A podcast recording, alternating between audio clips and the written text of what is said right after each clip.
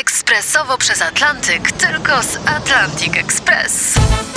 Z nami wyślesz co chcesz, kiedy chcesz, do kogo chcesz i to o 40% taniej. W Atlantic Express wysyłamy wszystko. 1 800 775 7363. Mienie przesiedleńcze, kontenery, paczki do Europy. Atlantic Express o 40% niższe ceny na wysyłki, kontenerów, samochodów i paczek. Ekspresowo przez Atlantyk tylko z Atlantic Express.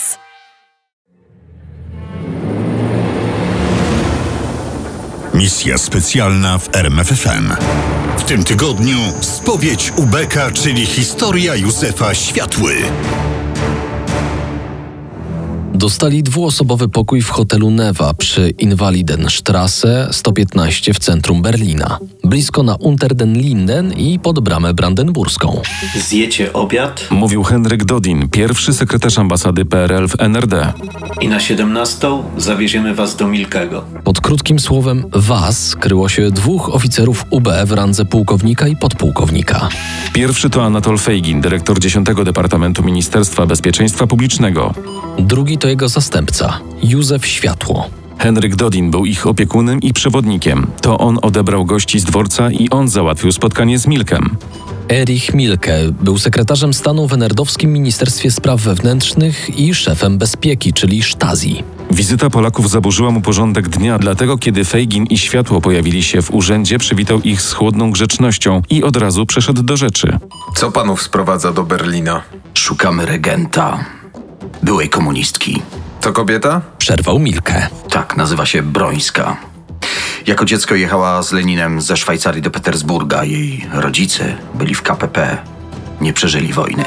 Fejgin nie powiedział, że wykończono ich z rozkazu Stalina, tak jak wielu innych działaczy przedwojennej komunistycznej partii Polski. Nie powiedział również i tego, że Brońska trafiła do łagrów. Dopiero w 1949 na gorącą prośbę Bieruta Stalin dał zgodę na zwolnienie kobiety więźnia. Dlaczego jej szukacie? Pytał Milkę. Po powrocie do Warszawy została dziennikarką i za zgodą towarzysza Bieruta wyjechała do Berlina jako korespondent prasowy. I jak zapewne już się domyślacie, towarzyszu Milke uciekła. Dokąd? Niedaleko. Mieszka w Berlinie Zachodnim. Co chcecie z nią zrobić? My? Nic. Przecież nie możemy działać na waszym terenie. To wbrew zasadom, dlatego mamy do was prośbę. Fejgin przerwał na chwilę, jakby chciał się zastanowić, jak ująć całą kwestię. W końcu stwierdził, że nie ma co owijać w bawełnę. Prosimy was, towarzyszu, powagą Polski Ludowej o uciszenie Brońskiej. Oczywiście Fejgin nie musiał tłumaczyć, co znaczy uciszyć. To było zrozumiałe. Chodziło o wyrok śmierci. Milke zgodził się, ale była to zgoda warunkowa. Muszę sprawdzić, co mamy na tę waszą brońską. Chciałbym również od was dostać jakieś informacje. I dodał na koniec: Uważam, że należy o całej sprawie powiadomić towarzyszy radzieckich.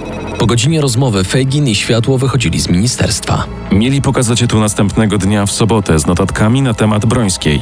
Natomiast na ostateczne rozmowy umówiono się dopiero na poniedziałek. Fejgin i Światło mieli masę wolnego czasu, mogli pójść na miasto. Pierwszy raz do Berlina Zachodniego trafili w piątek wieczorem.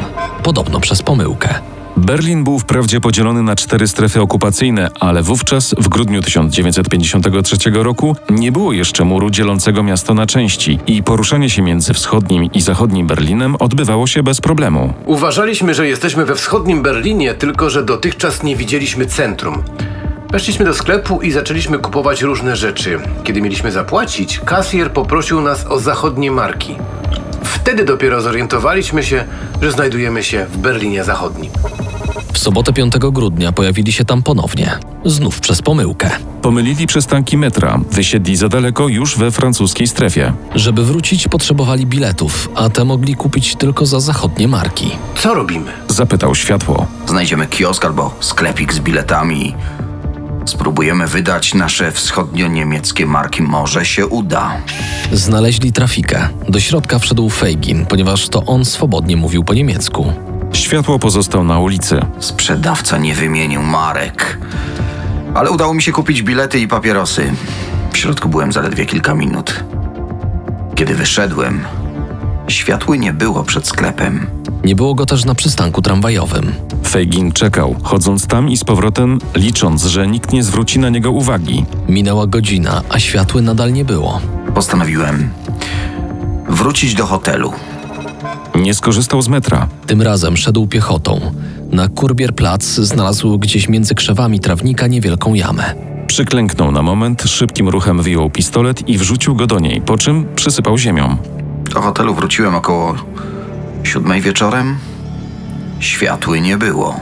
Następnego dnia o 7.30 Fejgin zadzwonił do ambasadora i poinformował go o zniknięciu światły. Ambasador, Dodin i kilku innych urzędników zawiadomiło przyjaciół z NRD i miejscowe KGB. Jeszcze przed południem cały wschodni Berlin szukał światły. Bez rezultatu. Fejgin do Warszawy wrócił sam. Dwa tygodnie później, 23 grudnia, napisał raport z wyjazdu do Berlina, niczego w nim nie zatajając. Raportem zainteresował się sam Bolesław Bierut. W końcu światło był jednym z jego ważniejszych oficerów. I nie chodziło wcale o sentyment, lecz o wiedzę, którą posiadał zastępca dyrektora 10 Departamentu.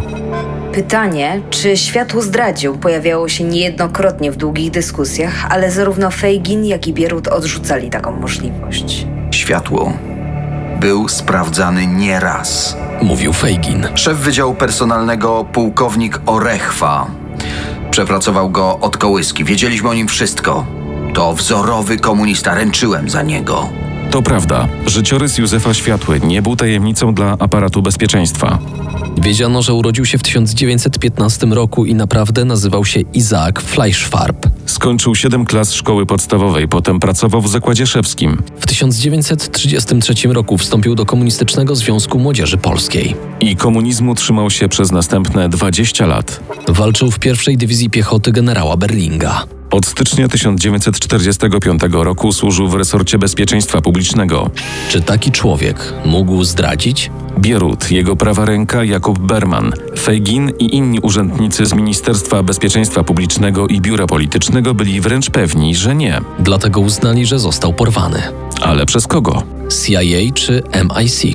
To miał sprawdzić Departament Wywiadu. Tymczasem, zanim wywiad uzyskał jakiekolwiek informacje, w zachodnio-niemieckiej prasie pojawiła się notatka o wyłowieniu ze sprawy zwłok mężczyzny. Ponieważ nie znaleziono przy nim żadnych dokumentów, posłużono się rysopisem i detalami ubioru w nadziei, że ktoś rozpozna topielca. Ale mijały dni, a do redakcji nikt się nie zgłaszał. I nigdy nie miał się zgłosić. To jednak nie znaczy, że nikt nie zwrócił uwagi na krótką informację pisaną drobną czcionką.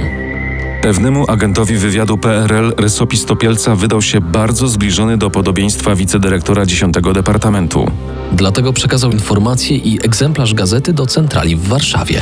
Efekt był piorunujący. Z opisu, z którym zapoznało się kilku oficerów wywiadu, pułkownik Fejgin i sam Bierut, jednoznacznie wynikało, że jest to Józef Światło. Warszawa uznała, że zagadka została rozwiązana. Bierut odetchnął.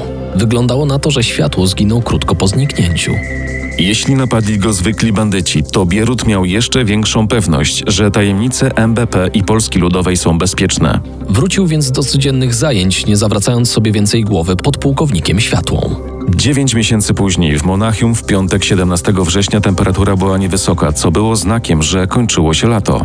Tego dnia Jan Nowak-Jeziorański dłużej został w redakcji.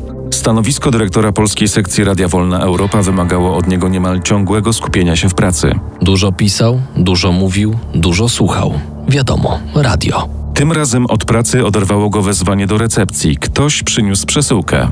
Na kopercie było nazwisko urzędnika konsulatu Stanów Zjednoczonych i adres polskiej sekcji radia. Wewnątrz taśma magnetofonowa. Jeziorański zapukał do pokoju redaktora Zbigniewa Błażyńskiego i razem poszli do studio, gdzie siedział jeszcze reżyser. Czy mógłbyś to puścić? Reżyser założył taśmę na magnetofon szpulowy i nacisnął guzik startu. Mówi wysoki urzędnik Polskiego Ministerstwa Bezpieczeństwa Publicznego. Urzędnik na nagraniu nie przedstawił się, ale to akurat nie miało dla Jeziorańskiego znaczenia. Na zachodzie znalazł się stary komunista, który z racji wysokiego stanowiska musi być w posiadaniu największych tajemnic bezpieki partii i rządu. Pisał później Jeziorański. Po odsłuchaniu zamknął taśmę w ogniotrwałej szafie i poszedł do domu. Następnego dnia, kiedy o tajemniczej przesyłce dowiedzieli się amerykańscy sponsorzy RWE oraz CIA, Jeziorański musiał oddać taśmę. Dowiedział się przy tym, że pod żadnym pozorem nie może publikować nagrań. Zrozumiałem, że taśma pierwotnie zaadresowana do konsulatu amerykańskiego trafiła do moich rąk przez pomyłkę. Nie zamierzał jednak odpuścić. Oficjalnie i nieoficjalnie próbował dowiedzieć się, do kogo należy głos z nagrania. Tajemnica wydała się po kilku dniach. To oficer 10 Departamentu MBP przesłuchuje go CIA. Jak się nazywa ten oficer? Zapytał Jeziorański, a CIA odpowiedziało, że chodzi o podpułkownika Józefa Światłe. Światło był najważniejszym uchodźcą z Polski od czasu powrotu na zachód Mikołajczyka w 1947 roku.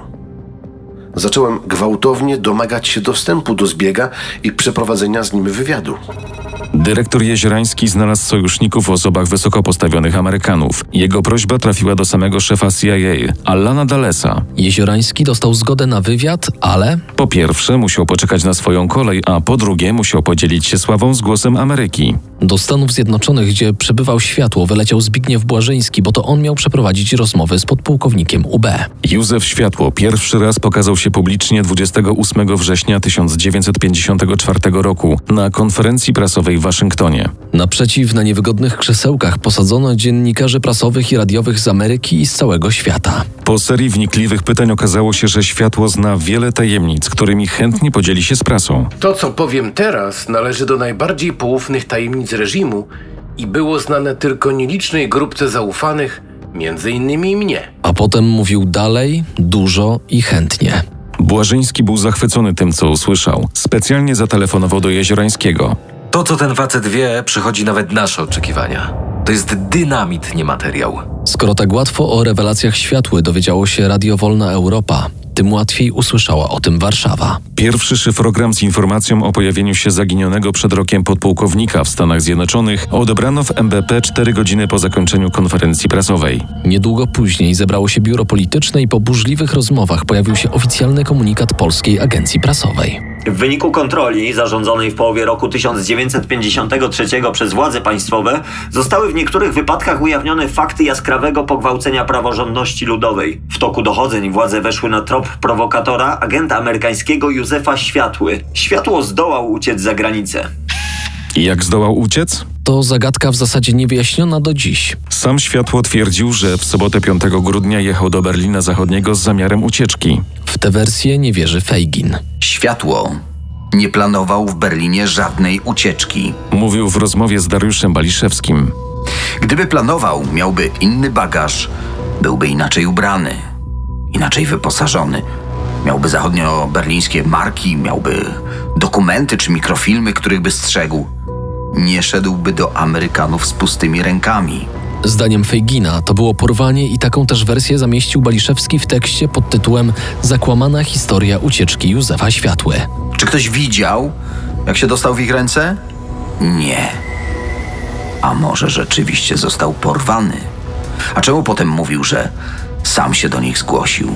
A co miałby powiedzieć, jeśli został porwany? Mówił to, co mu kazano, albo to, co było dla niego wygodniejsze. Zatem co mu kazano powiedzieć? Kiedy Feigin wszedł do sklepu wymienić pieniądze i kupić bilety, po prostu odszedłem. Musiałem dojść do amerykańskiego sektora, w końcu trafiłem. Tam znalazłem posterunek Military Police. Wszedłem, powiedziałem kim jestem. Na stole położyłem legitymację służbową i pistolet. Najpierw Światło trafił na serię przesłuchań do Frankfurtu. Tam CIA maglowała go przez dwa tygodnie. Uznali, że facet ma wiele cennych wiadomości do sprzedania i 23 grudnia, czyli dokładnie w dniu, w którym Feigin składał pisemną relację z pobytu w Berlinie, światło odleciał do Waszyngtonu. Azyl uzyskał dopiero we wrześniu następnego roku. Mniej więcej miesiąc później, 20 października, nadano w RWE pierwszy program z cyklu Za kulisami bezpieki i partii z Józefem Światłą w roli głównej. Do wiosny następnego roku nadano 141 audycji. Stalinowski terror w Polsce zaczął słabnąć. Zdjęto z urzędu i postawiono przed sądem kata żołnierzy Armii Krajowej Józefa Różańskiego. Zwolniono Feigina. Szefa MBP generała Radkiewicza przeniesiono do Ministerstwa PGR-ów, a MBP zlikwidowano. A to był tylko początek. Dwa lata później, w styczniu 56 roku, uciekł na zachód Seweryn Bialer, urzędnik Wydziału Propagandy KCPZPR. To on przyznał, że rewelacje światły przyspieszyły radykalnie dojrzewanie procesów, które doprowadziły do przemian październikowych. Skończyły się czasy Bieruta. Nastała odwilż 56 roku i przyszedł Gomułka. Misja specjalna w RMFFM. Na tropie największych tajemnic historii.